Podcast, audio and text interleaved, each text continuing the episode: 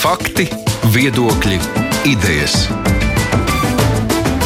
Raidījums Kruspunkta ar izpratni par būtisko. Studijā Mārija Ansone. Kruspunktā pirmdienas ir lielās intervijas dienas, un mūsu šīs dienas viesis ir cilvēks, kurš nodarbojas gan ar personības psiholoģijas, gan medicīnas ētikas un filozofijas jautājumiem. Latvijas radio jau vairākus mēnešus veido projektu izmisuma zonā, kur mērķis ir panākt pozitīvas pārmaiņas paliatīvajā aprūpē Latvijā. Izmisuma zonā - paliatīvā medicīna Latvijā. Pēta un risina raidījums Krustpunktā. Jā, un domājot par paliatīvo aprūpi, agri vai vēl nāks domāt arī par dzīvību un nāvi. Arī šie jautājumi ir mūsu studijas viesi pārdomu lokā, un kruspunktā studijā šodien ir filozofs Rīgas Stradiņa universitātes asociētais profesors Vents Sīlis. Labdien! Labdien! Es vienu amats, ko, ko es nenosaucu, ir Centrālā medicīnas ētikas komisija. Komiteja. Komiteja. Jā. Um, Vai tas, kā cilvēks aiziet no dzīves, vai tas arī ir medicīnas ētikas jautājums, vai tas ir vairāk cilvēcisks jautājums? Es tam negribētu nošķirt medicīnas ētiku no cilvēcības. Būtu tā mazliet nepareizi sākt nodalot. Tas ir gan, gan, protams, bet primāri tas ir jautājums. Medicīnas ētika ir specifiska ar to, ka tā palīdz ārstiem pieņemt ētiski pareizus lēmumus tai tiesiskajā un ētiskajā regulējumā, kur viņi dzīvo. Un šī joma līdz ar to ir krietni šaurāka. Tur šo izpratni par to, kas ir labi un pareizi, bieži vien nosaka tas, kas ir atļauts, kas ir atļauts ar likumu.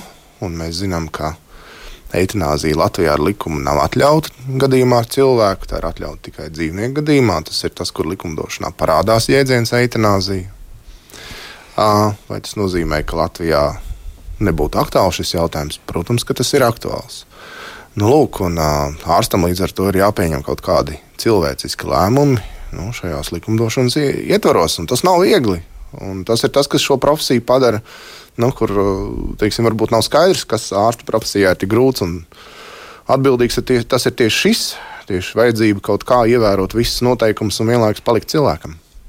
Bet, nu, Visi zina veco pasaku par veco tēvu un ragaviņām uz mežu. Un, un, nu, tā pamācība ir, ka mums ir jā, jāparūpējās par saviem vecajiem vecākiem, citādāk pašiem tas viss var nākt atpakaļ. Bet, nu, tā, tā morāla nozīmē, ka mums šīs lietas ir viss jāpatur ģimenē.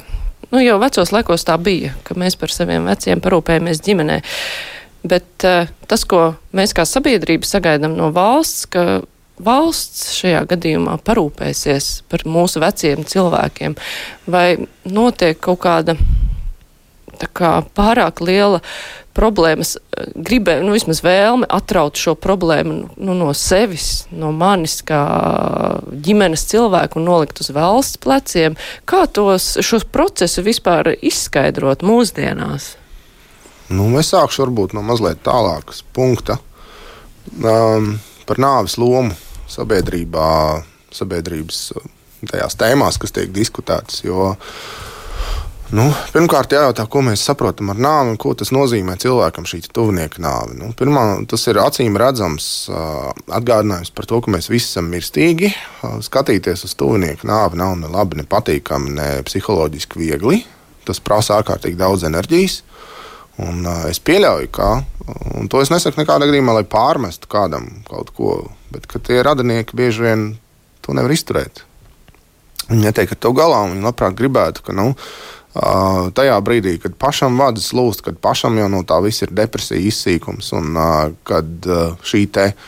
Mm, ilgi un neatlaidīgi skatoties uz to, kā tuvs cilvēks aiziet, tu kaut kādā nozīmē aizēji pats līdz ar viņu, un tev ir vajadzīgs atbalsts, iespējams, pat vairāk nekā šim mirstošiem cilvēkam. Pagaid, bet vai kādreiz cilvēki bija stiprāki, domājot par šiem jautājumiem? Nē, viņi bija ciniskāki. Uh, viņi tādā nozīmē, mēs runājam par sabiedrību, kurā vienkārši atcerieties, ka iepriekš cilvēkiem primāri bija jāmēģina parūpēties par to, ko viņi rīt ēdīs, lielākā daļa laika, lielākajai daļai sabiedrības aizgāja uz ēdienu sagādi.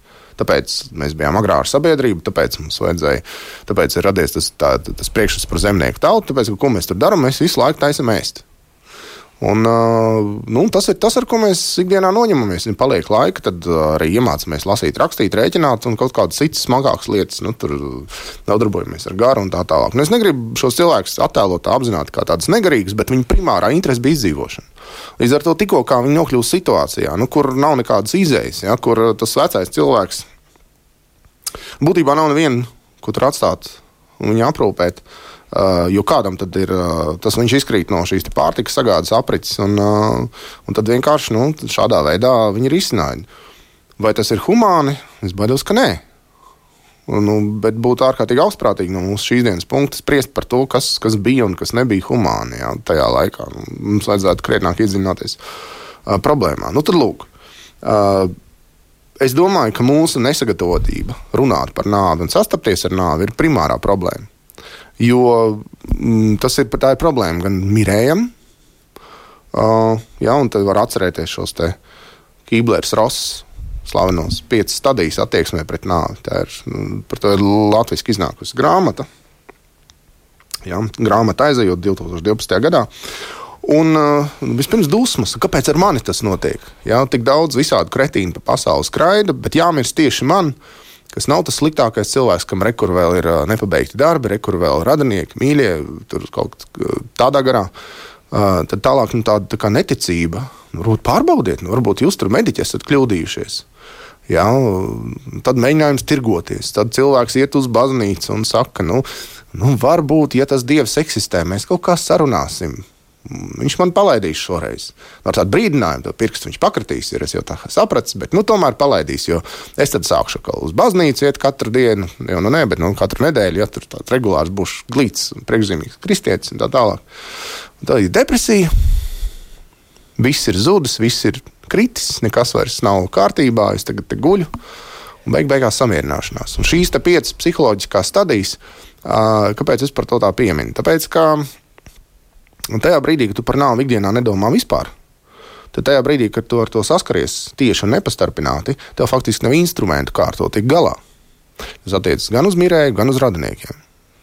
Un kādu savu pētījumu laikā, pasen bija 2012. gadā, es runāju ar vienu no ķirurģiem, un viņš teica, ka nu, tie pacienti, kas tur pēc tam paliek slimnīcas aprūpē, ka pirmajā mēnesī nāk radi, draugi, kolēģi pat nāk no darba un visi šausmīgi jūt līdzi. Otrajā mēnesī nāk radi, draugi, trešajā mēnesī nāk radi, ceturtajā mēnesī nāk pavisam tuvie radi un piektajā mēnesī vairs neviens nāk. Nu, bet, nu, labi, nesagatavotība. Bet kā tam var sagatavoties? Jo, jebkurā gadījumā tas ir process, kuram cilvēks katrs iet cauri viens, pilnīgi viens, un gal galā viņš nomirst tikai vienu reizi. Kā var sagatavoties? Mm, nu, visa mūsu dzīve ir mūsu sagatavošanās šīm te. Un, nu, es atļaušos būt varbūt, filozofiski šajā situācijā, bet uh, es gribētu teikt, kāpēc mēs dzīves laikā uzskatām, ka nāve ir kaut kas, kas mums neatiecas. Ja, kā, kā jebkurš cits deadline, nāve uz mums attiecas neatkarīgi no tā, mums tas patīk vai nē. Šīs brīdis nedomāt par nāvi ir kaut kādā nozīmē mūsu kultūras patoloģija. Mēs nāvi esam marginalizējuši, izstūmuši to ārpus reālās sajūt, sajūtamās pieredzes loka. Un, nu, kādā nozīmē mēs vienkārši esam nāvi padarījuši par izklaides objektu. Mēs filmējam filmas, kur visi mirst, kur uh, ir pilns uh, vardarbīga aina, kur viens otru nošauja, un mēs uz to visu skatāmies. Un, nu, bet tā ir filma. Ja? Tā ir filma, un nāve tur ir kā fikcija kā māksliniecisks izteiksmes līdzeklis. Un visiem skaidrs, ka jā, šādu nāvi kā fikciju es ļoti labprāt baudu. Es pat izklaidējos. Ir vesels bars komēdija, kur smieklīgākais ir brīdis, kad kāds tur nomirst. Un tad viss zāle uzjautrinās un tā tālāk. Un tajā brīdī, kad man ar to jāsaskarās kā ar reālu lietu, kas ir uh, nu, traģiska kaut kādā nozīmē, man ir panika. Neko nevar izdarīt. Es nesaprotu, kur skatīties, nesaprotu, kur dēties vispār. Un tad es gribu, lai valsts atnāk un atbrīvo mani no šīs vajadzības ar to saskarties. Jo es domāju, ka mūsdienu sabiedrībā cilvēki vispār nevēlas iedziļināties lietās. Viņa prāts, pasaule tā ir vieta, kur vajadzētu viegli pelnīt naudu un tikpat viegli to tērēt. Un principā viss, kas ir par un ap un tā tālāk, Nu, tas jau ir tāds dekors. Nu, ja mums paliks laiks un vēlēšanās, tad uh, varbūt mēs ar to arī nodarbosimies. Un tajā brīdī, kad es paziņoju, ka uh, teiksim, šeit ir grāmata antropoloģija, filozofiskā antropoloģija, tad ir nodaļa par nāvi. Ja, šīs nodaļas uh, moto ir uh, šāds te. Uh, tas, kurš iemācītu cilvēkiem mirt, iemācītu viņiem dzīvot. Mišels Demonteņš. Un tajā brīdī, kad kāds filozofs nāk klajā ar šādu paziņojumu, tad viss saka, nu kā, nu, re, kur ir nekrofils, protams, kas tad viņam, vai ne? Viņi jau tur viss slimi, domā par tādām lietām, par ko principā normāli cilvēki nedomā, ko depresīva tēma, miršana. Kāpēc man jādomā par miršanu? Man tur 25 gadi, dzīve ir plaukumā, hormoni sprakšķi pausīm ārā. Un tas ir tāds, viens man nāks un mācīs dzīvot kaut ko par miršanu, nūģis un lūzeris. Nu, viņš ir grib, lai viņš sēž savā putekļainās bibliotekās. Es gribu dzīvi baudīt, es gribu to visu pieredzēt. Nu, tas, protams, ir traģisks infantīlisms. Šis infantīlisms, es burtiski domāju, traģisks ir, jo tajā brīdī, kad tas viss nāk atpakaļ, tajā brīdī, kad nu, tev ir jāsāk atzīt tās dzīves puses, kas tev nepatīk, tad ir krīze. Un tikai caur krīzi, diemžēl, lielākā daļa cilvēku nonāk pie šādas paplašinātas uztveres spējas, kur viņi sāk gan viens otrā redzēt kaut ko daudzslāņaināku, gan dzīvē redzēt kaut kādas problēmas, kuras nevienmēr var atrisināt. Tās loģiski sadalot, bet atstājot tos paradoksu formā, tur, kur ir iespējami divi pretēji viedokļi par šo, te, kas ir pretēji pat eh, kaut kādā ziņā visam, kam mēs līdz šim ticējām un uzskatījām par svētu. Nu, tad tajā brīdī mēs varam sākt nopietni un uh, sakarīgi runāt par nāvi. Bet līdz tam nu, mēs visi esam frīki, tie, kas aktualizē šīs tēmas, un varbūt tā arī vajag būt. Nu.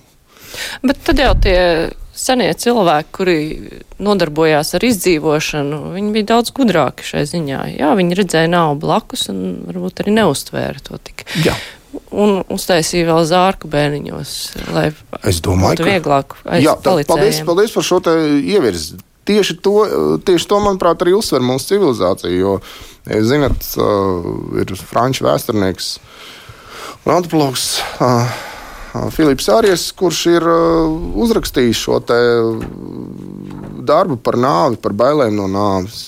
Viņš tur izdala šīs pozīcijas Un, kā pirmo viņš min šo pieredzināto nāvi. Nāvi, kas ir tev blakus, tā nāvīte, kuru pat var diminutīvā uzrunāt, jo viņa ir uh, tuva. Tu redzi nāvi katru dienu, tur viņa saskries, tā tevi ne tik daudz biedē, kā skumdina, jo tā nozīmē kaut kādu šķiršanos. Un, uh, es arī īsti nepiekrītu tai domai, nu, ka mēs mirstam tikai vienreiz. Uh, jautājums, par kādu miršanu ir runa? Jo es uzdrīkstētos apgalvot, ka ir cilvēki, kas jau dzīves laikā ir paspējuši nomirt. Un tas, kas tur staigā apkārt, tas ir tāds uh, pusbeigts līķis, kurš nu, vienkārši gaida savu fizisko galu, savas fiziskās eksistences beigas. Bet uh, tur dvēseles nekādas iekšā vairs nav, tāpēc ka cilvēks sen ir atmetis cerību uh, ar to kaut ko izdarīt. Nu, un, uh, un kaut kādā nozīmē šai domai vajadzētu likt mums. Uh, mazliet satraukties un pajautāt sev, ko tad es daru, lai mana dzīve būtu piepildītāka. Bet nē, mums ir vieglāk šo nāvi atstumt un izstumt. Uh, jā, mēs esam viņu medicalizējuši. Pret nāvi ir kaut kas, kas notiek pārsvarā medicīniskos apstākļos. Mēs gribētu tā, jo tad, nu, tur viņi tur tie ārsti pieskata. Un, uh, ja vajadzēs atdzīvinās, ko tad es tur?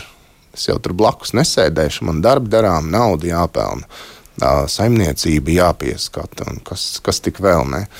Nu, tā mēs arī zaudējam gan saikni ar tuvinieku, šo ļoti svarīgo lietu, būt blakus kādam, kurš mirst. Tas, manuprāt, ir viens no svarīgākajiem mūsu pienākumiem - būt blakus mirstošam cilvēkam. Neatstāt viņu tur vienu, jā, viņš mirst viens, bet esot viņam blakus, tu pirmkārt apliecini šīs nāves cilvēcisko nozīmi, tu viņam parādi, ka viņa miršana tas nav kaut kas, no kā vajadzētu kaunēties. Jo ļoti bieži cilvēki ir nokaunējušies par to, cik viņi briesmīgi izskatās, kad viņi mirst, cik viņu ķermenis, kurš pamazām padodas, kļūst neciešams viņiem pašiem. Jā, mēs vairs nevaram savaldīt visu zarnu darbu un visu pārējo, un mēs esam bezspēcīgi un bezpalīdzīgi.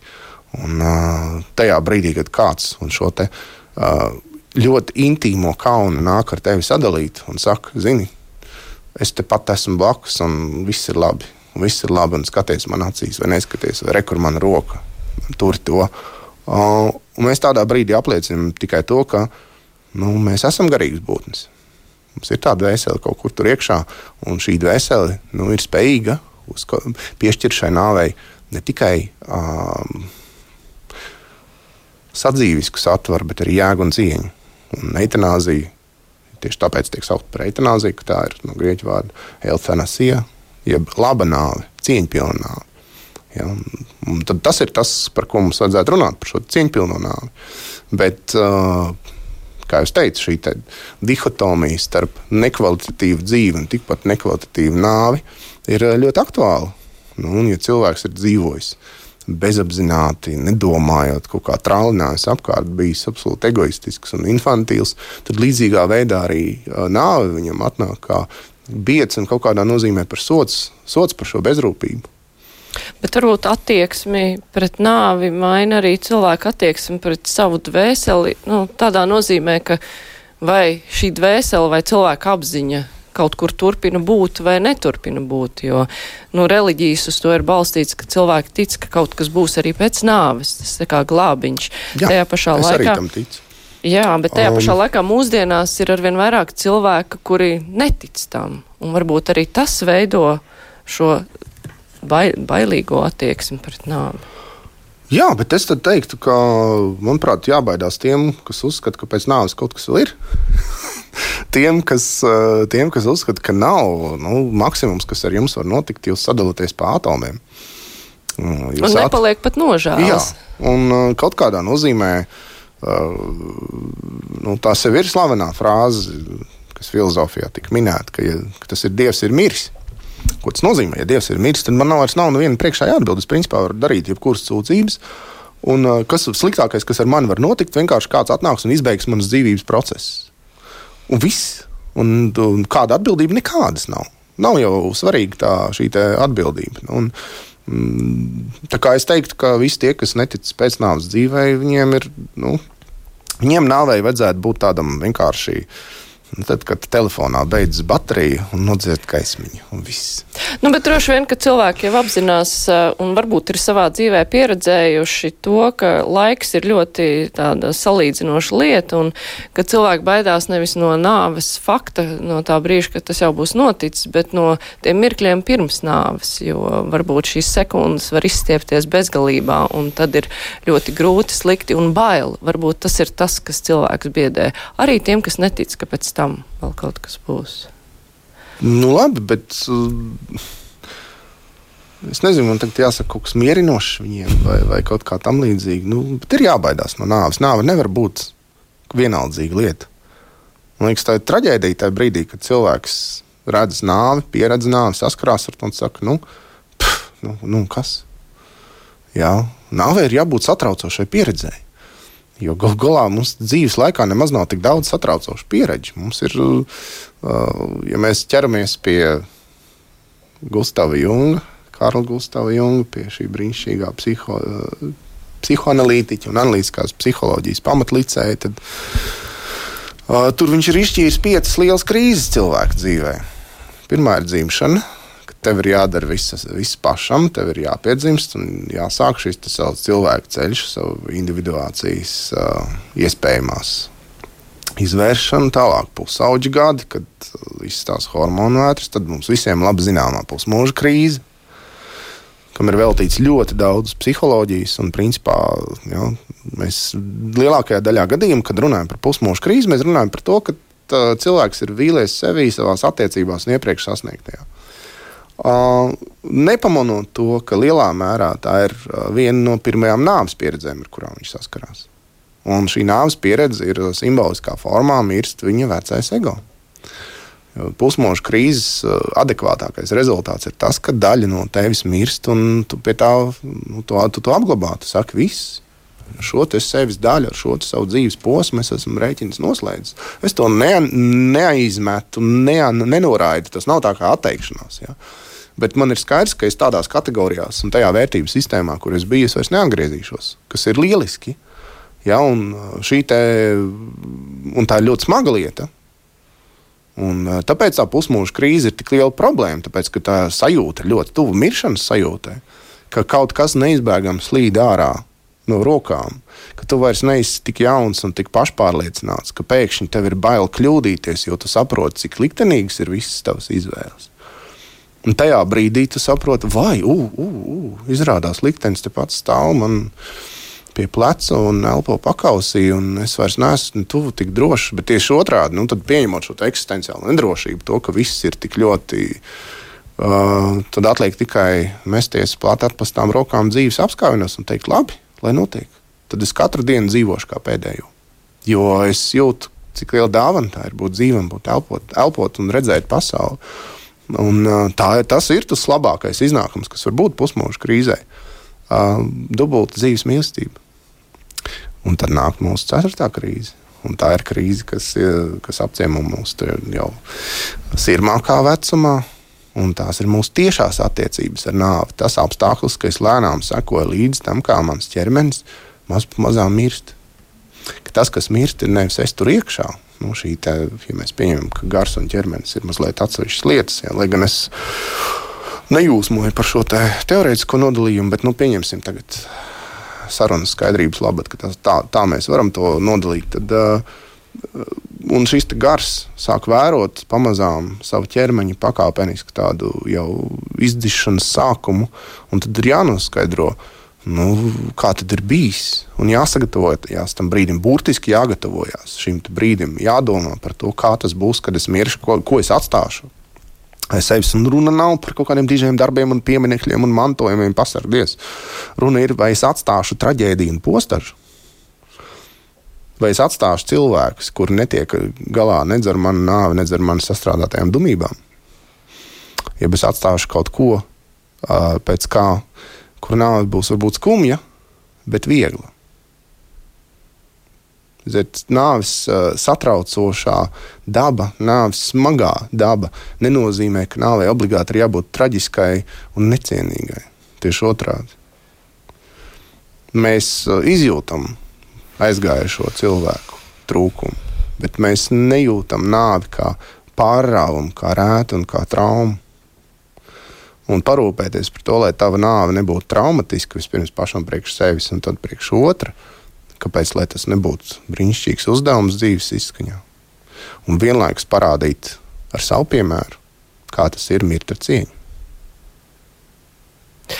Mums uh, klausītāji diezgan daudz raksta, un uh, mēs, jūs jau pieskārāties uh, eitanāzijas tematam, un viņi prasa, ka, kādēļ mūsu valsts ir tik nehumāna, ka nepiedāvā cilvēkiem eitanāzijas iespējas, kādēļ cilvēkam jāmocās, ja viņš grib nomirt.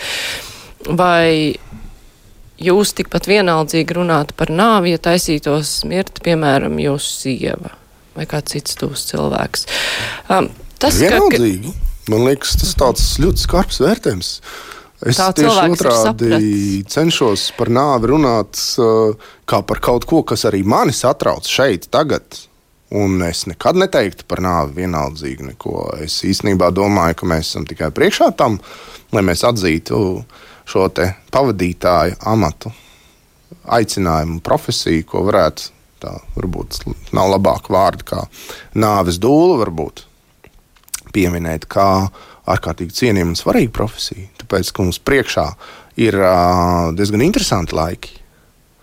Mums ir laiki, kad mums būs jāsāk domāt, ko darīt ar šo ārkārtīgi lielo vecāku gadagājumu cilvēku īpatsvaru mūsu vidū. Turklāt nevis vienkārši, nu, mēs jau tagad esam tos cilvēkus, kas ir pensijā lielākoties marginalizējuši. Mēs viņus iztūmuši, mēs par viņiem runājam kā par stulbiem pensionāriem, kas neprot pareizi balsot vēlēšanās. Un, kam ir jāatņem pasta un tam līdzīgi. Uh, kas tikai parāda to, ka mēs viņus jau esam uz meža aizveduši ragaviņās. Ka mēs jau esam viņas, nu, pensija, tas principā tās savas ragaviņas arī ir, jo neko tur ļoti cieņpilni tur nevar attīstīt. Tur kaut kā var iztikt. Jā. Un, ja tev nav labas attiecības ar radiniekiem, kas ik pa brīdim atved tev mazliet naudas, pārtikas un nopērk tev jaunu mēteli, tad tavs vecais ir galīgi jau noplīsis, tad, uh, tad principā būt uh, vecam nozīmē būt slimam, pamestam, vientuļam un izmisušam. Bet kā jūs redzat, kas būs ar daudziem veciem cilvēkiem? Un tad, kad mēs būsim veci, tad būs vēl vairāk to veco cilvēku. Jā. Jā, tieši tā. Šī proporcija palielinās. Es tagad tos datus no galvas neatcerēšos, bet jūs iegūlēt. Iedzīvotāju dzīves ilguma prognozes 2050. gadam un tur viņi ir katrs trešais. Un tas ir iemesls, kāpēc viss paaugstina pensijas vecumu. Viņi saprot, ka šī tik daudz pensiju mēs izmaksāt vienkārši fiziski nespēsim. Un ļoti iespējams, ka mums pensijā pat varbūt nenāksies aiziet. Mēs varēsim strādāt un būs nevis vienkārši seniori, bet super seniori raidījums par nāvi un filozofiju. Es taču arkstošā vokālā kaut ko atskaņošu par to, ka ja, un tepat stāvēs reanimācijas brigāde, lai mani atdzīvinātu par reklāmas pārvaldu. Nu, tas jau ir uh, tāds uh, laba prognoze, tāpēc, ka nezinu, vai būs Latvijā tik daudz reanimācijas brigāžu, jā, varētu nu, visiem. Bet atgriežoties pie, pie tēmas nopietnības, jā, es uzskatu, ka. Nu, principā mans uzdevums ir iemācīties mirt, un, ja sanāk iemācīt, vai vismaz palīdzēt iemācīties mirt kādam citam. Un, eh, nu, tas ir tas, ar ko filozofi pārsvarā nodarbojas. Viņi nemāca dzīvot, viņi māca mirt. Un, eh, tāpēc daudziem liekas, ka viņi ir galīgi nekrofīli. Tas tā nav. Es uzskatu, ka ir, eh, tā ir šī bēgšana no, no tā, ka nāve ir normāla dzīves sastāvdaļa. Nevis laba, slikta vai kaut kādā citādā ziņā kvalificējama, bet tā ir normāla dzīves sastāvdaļa. Uh, Tāpat kā viss pārējais, ar ko mums nevienmēr patīk, uh, nu, tiksim, par ko nav pieņemts runāt. Mums neskāpēc ir šī patērētāja kultūrā tik, tik populārā optimisma kultūra, ka visam ir jābūt skaisti, labi forši. Ja? Uh, Kaut kāda tāda histērija pilnīgi. Ja, tev, ja tu neesi pacelātā garstāvoklī, tu nekliedz par to, kā tu mīli dzīvi un uh, cik dzīve tev visu laiku kutina visādās interesantās vietās. Uh, tad eh, sanāk, ka tu nemaz nemāki dzīvot. Tas, ka normāla dzīves sastāvdaļa ir skumta, ka laba dzīves sastāvdaļa ir eh, spēt bēdāties kopā ar kādu. Nevis, eh, nevis nu, tie, tie lētie sentimenti, bet vienkārši piedalīties kāda otra cilvēka ciešanās ar līdzjūtību un turot muti ciet. Jo no tevis jau visbiežāk neprasa, lai tu pamācītu, kas jādara. No tevis prasa, lai tu vienkārši palīdzētu to izciest un būt blakus. Un, un šajā nozīmē mm, mēs lielā mērā noliedzam to cilvēcības daļu, kas sagatavo mums darbam ar grūtībām, darbam ar ciešanām. Un tā skaitā darbam ar nāvi. Mēs viņai neatrodam vietu kultūrā. Un tāpēc es tik priecīgs esmu par šo raidījumu, ka nu, mēs te varam parunāt par nāvi un uh, nemēģināt no šī fakta aizbēgt. Un nekādā gadījumā es negribu padarīt nāvi par nesvarīgu lietu. No otras puses, uh, nevajadzētu laupīt ar nāvei arī tās komiskos aspektus. Ja, jo citādi mēs nokļūsim ātri vien tajā situācijā, kur uh, mēs paliekam pārāk nopietni Mēs sākam pārāk ticēt tam, ko paši citreiz runājam, un sarunājam tik pasakainas muļķības, ka pēc tam skaidrodamies neizskaidrosies no tā laukā. Tāpēc mazliet humora un pašironijas nekad netraucē. Klausītāji prasa, jūs pats mākat nomirt, ja reiz mācat to citiem? Vai jūs esat mācīšanās procesā? Vai tev kurpnieki pašam kurpes ir? Ir. Uh, jā, esmu vairākas reizes piedzīvojis dažādas pieredzes, kas ir uh, maksimāli tuvas nāves pieredzē. Esmu apsvērs pats savas eksistences galīgumu, jo tas ir svarīgi, savas eksistences jēgu, un vienmēr to atzīst par jēgu pilnu. Mm, bet esmu šeit. Un, uh, šis jautājums par pašnāvību ir ārkārtīgi aktuāls jautājums. Nevis tāpēc, ka es te visu tagad mudinātu izdarīt pašnāvības, Lai gan uh, sengriežu filozofijā pastāvēja tāds uzskats, ka viena no lietām, ko cilvēks var darīt priekš pasaules, ja viņš pēkšņi saprot, cik ļauns viņš ir, tad tas ir atbrīvot sevi no uh, pasaules, tas ir no šī ļaunuma, nogalinot sevi. Tas nav aicinājums izdarīt pašnāvību. Tas ir aicinājums uztvert nopietni savas dzīves jēgu.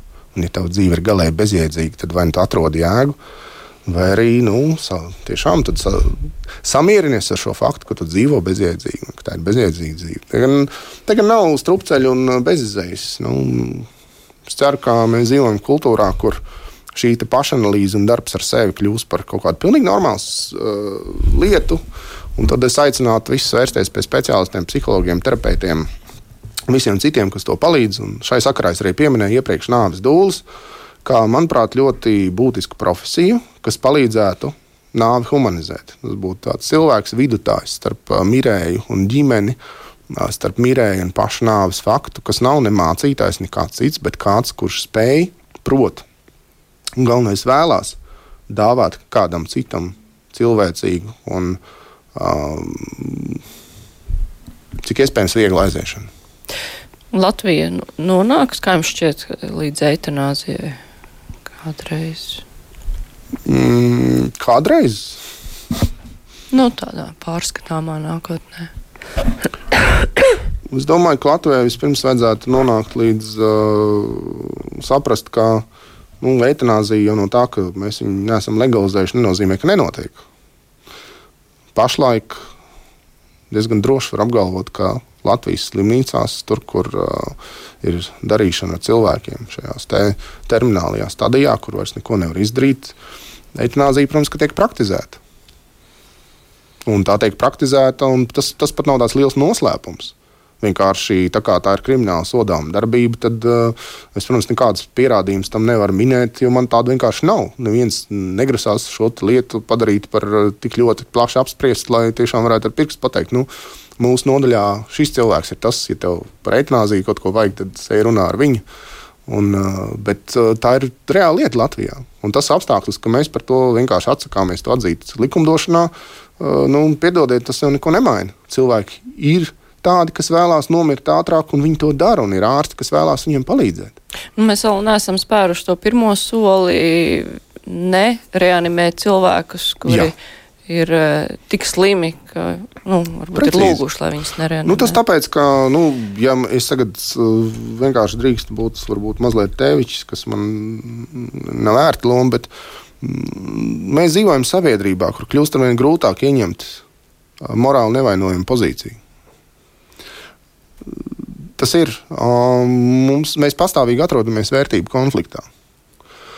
Bet mūsu infantīlā domāšana pārsvarā ir tāda, kas liedz šos vērtību konfliktus ņemt par pilnu. Ārsta pienākums nešaubīgi ir glābt dzīvību. Neviens par to vispār nestrīdās. Bet glābjot dzīvību, mēs varam iebraukt absurdā galējībā, kur mēs glābjam dzīvību uz dzīves kvalitātes rēķina, uz cilvēku pašcieņas rēķina un uz radinieku ciešanu rēķina. Un ārsts redz šauri tikai to dzīvības glābšanas funkciju, bet neredz to, kādu ļaunumu tas viss nodara.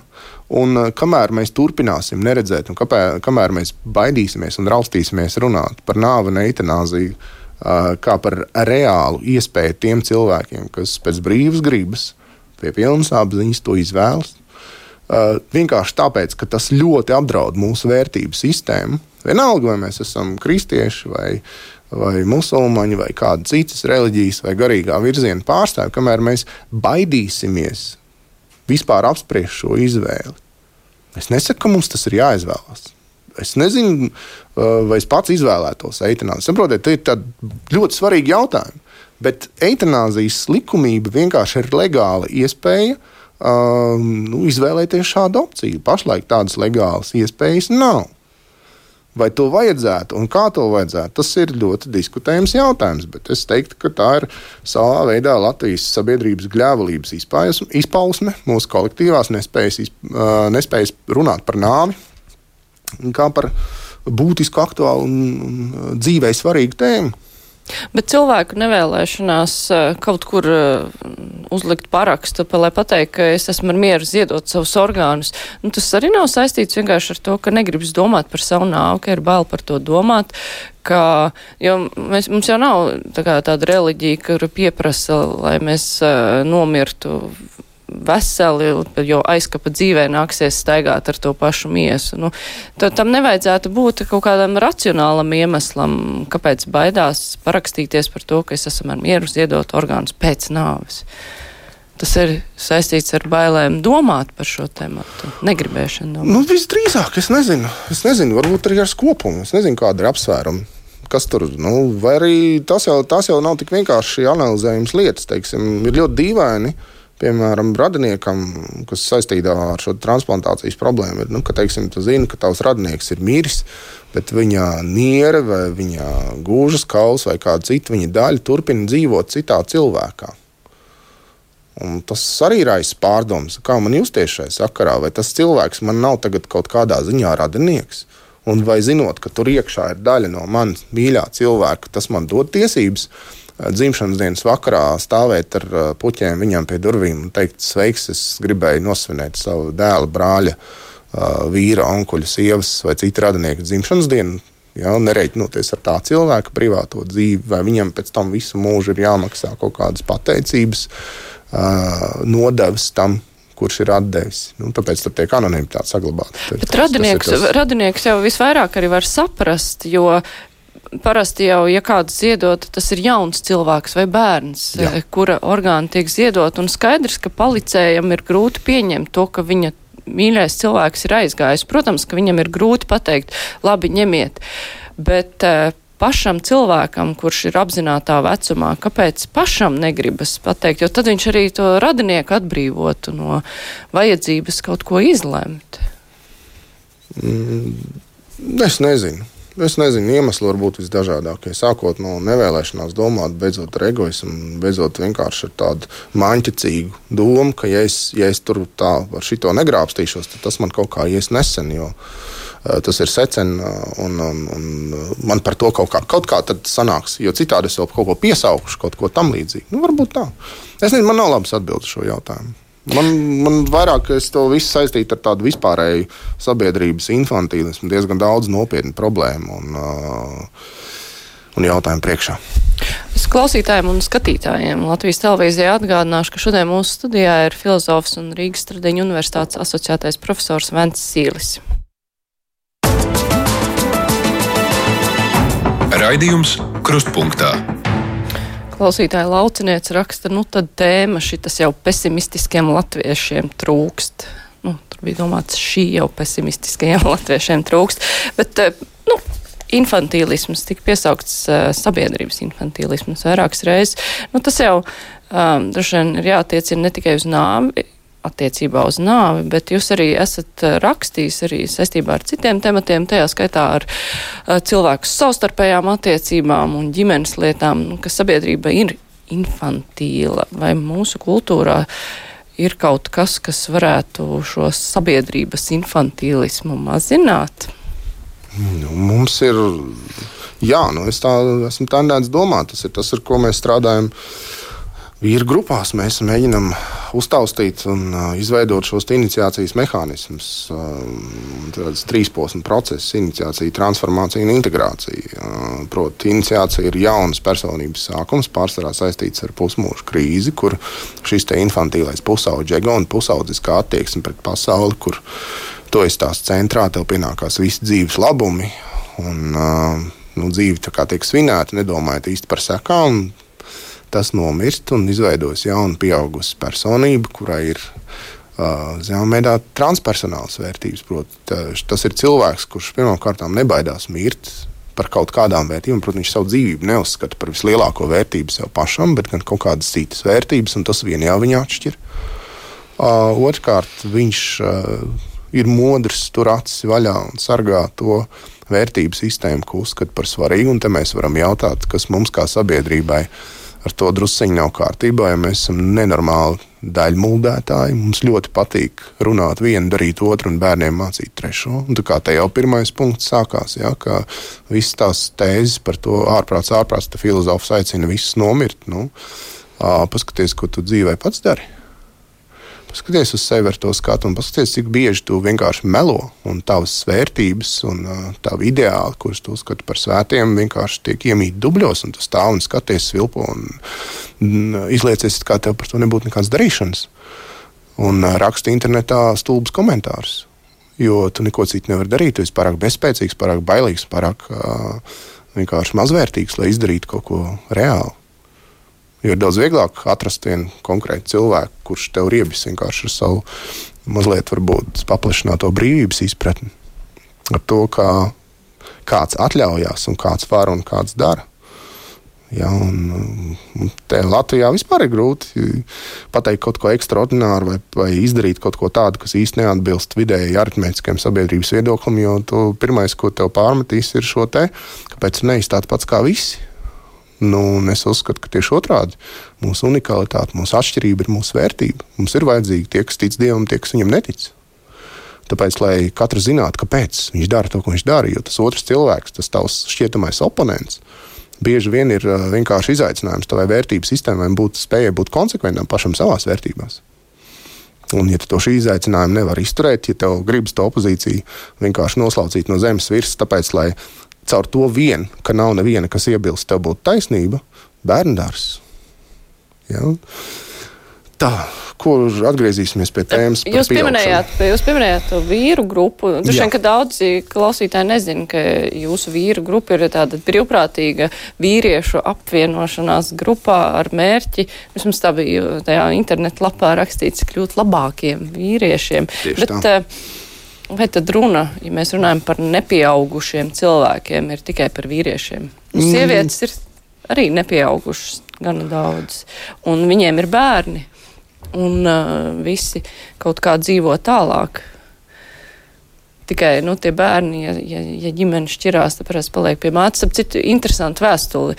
Mazliet savādi, bet interesantu vēstuli, kāda klausītāja at, atrakstīja. Viņa raksta tā, ka valstiskais grupējums ir iesakņojis sabiedrības kultūrā faktorus, kur ietekmē sabiedrība ir izveidojusies kā piramīda, kuras pašā augšā ir viņi paši, pasaules diktatori, kas sabiedrību sadalījuši kastās.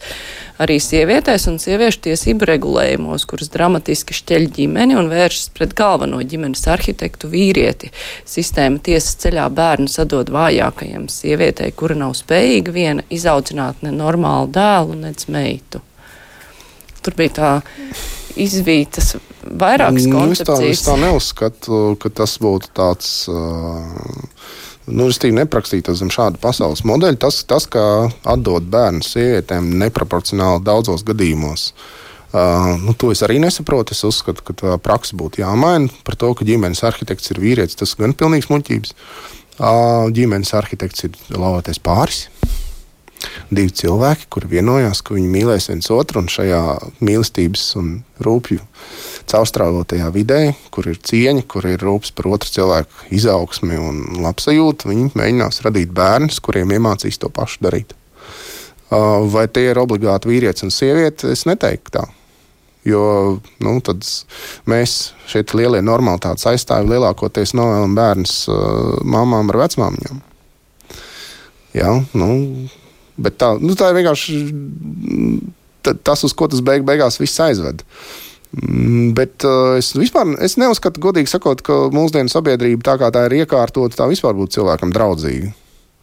Tā ir tāda lielākoties modernās verdzības sabiedrība, kur uh, lielākā daļa cilvēku strādā darbu, kas viņiem riebas un saņem naudu, ar ko viņi knapi var iztikt paskatoties uz to, kāda ir vidējās algas rādītāja valstī. Ja. Nu, tad eh, līdz ar to viņi veido šīs alianses ne jau tāpēc, ka viņi stipri mīlētu viens otru, bet tāpēc, ka tā ir vieglāk īri nomaksāt.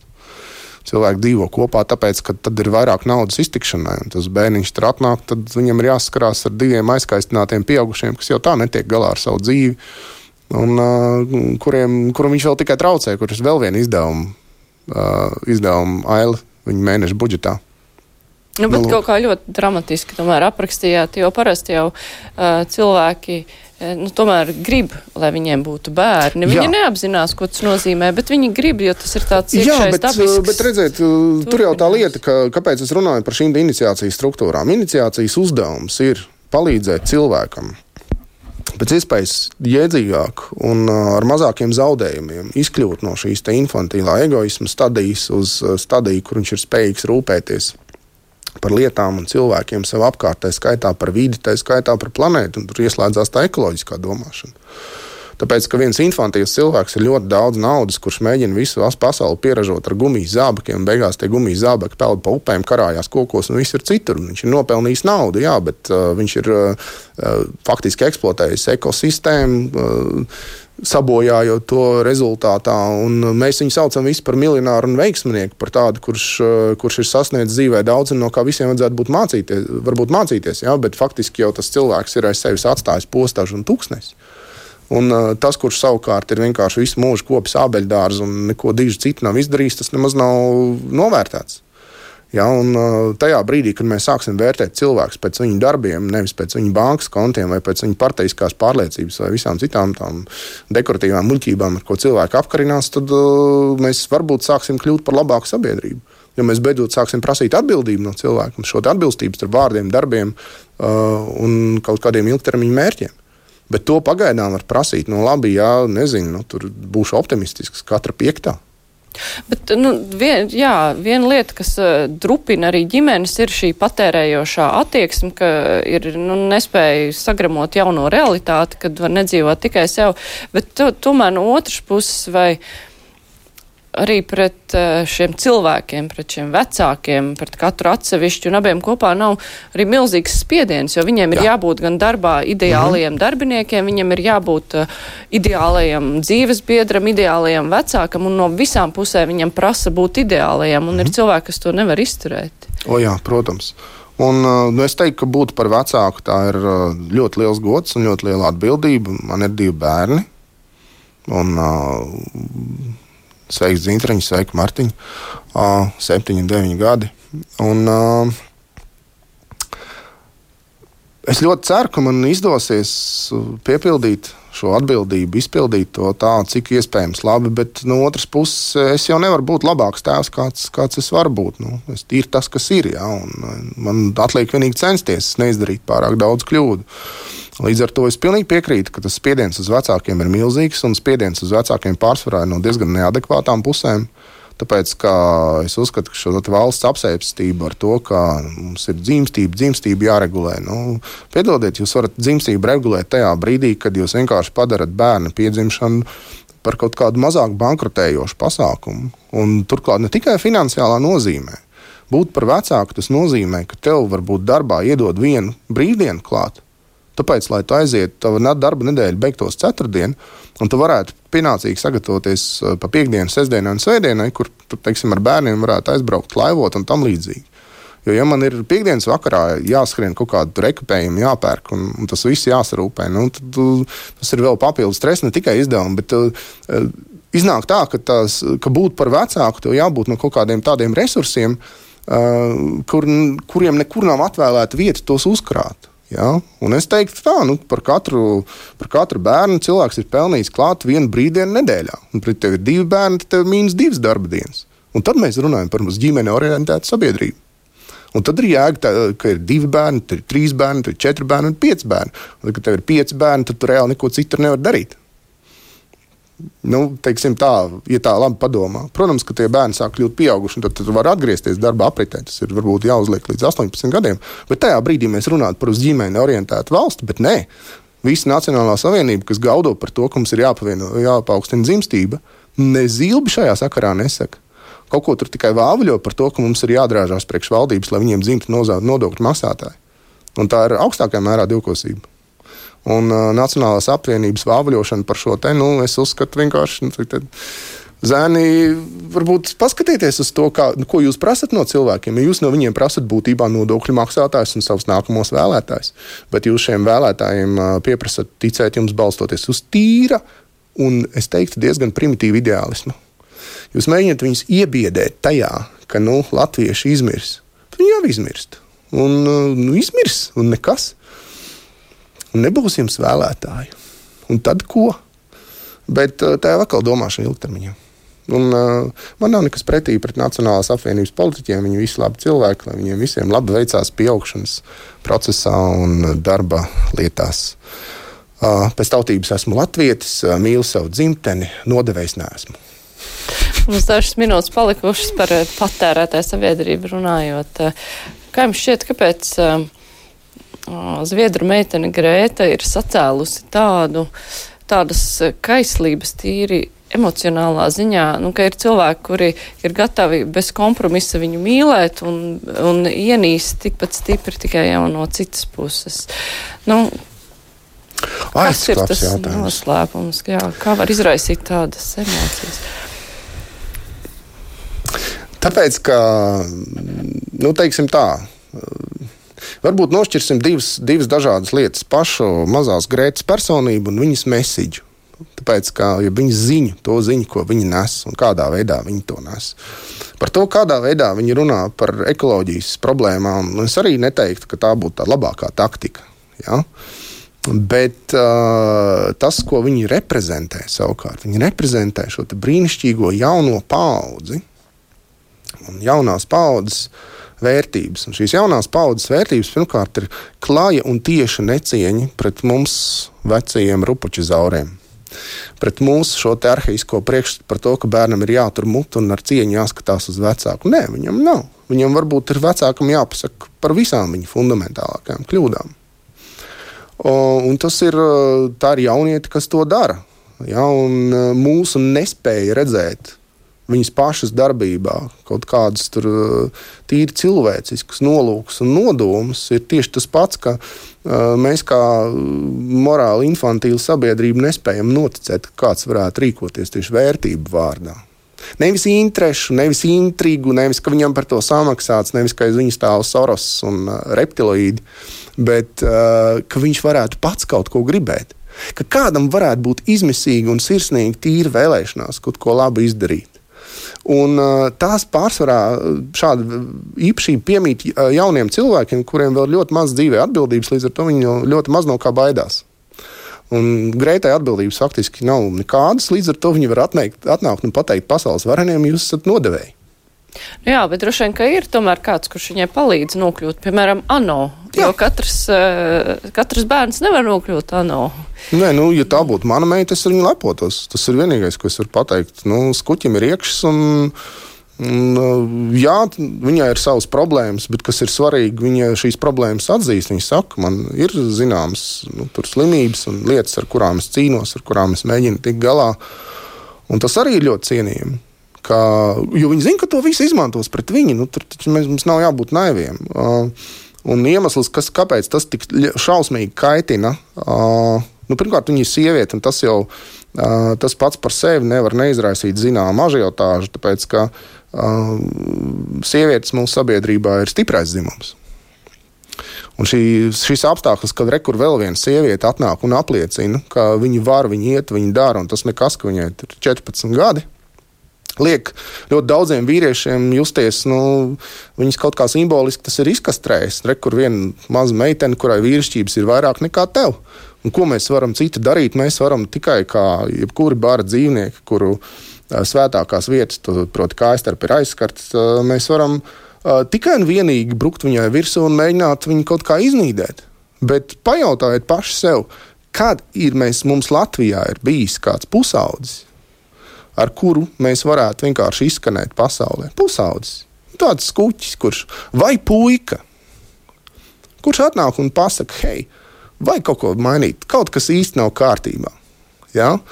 Varbūt viņš tagad kādā no vasaras nometnēm, es šovasar biežāk pabraukāju pa vasaras nometnēm. Tur, ar, ar, ar kung fu, ar pie Mārsa Aukāna bija uz labu dabu. Un varbūt tur dzīvo kāds no mūsu nākamajiem Jāņiem, vai, vai Marijām, vai, vai Grētām. Vai nu, Džoniem? Skatīsimies, jā, varbūt arī Latvijā kāds ir. Es saku paldies, filozofs Vēns Sielas bija mūsu studijā, redzījums ar to izskan, to producēja Vijunām studijā bija Mārija Ansona. Visu labu, tiekamies rīt! Fakti, viedokļi, idejas. Raidījums Krustpunktā ar izpratni par būtisko.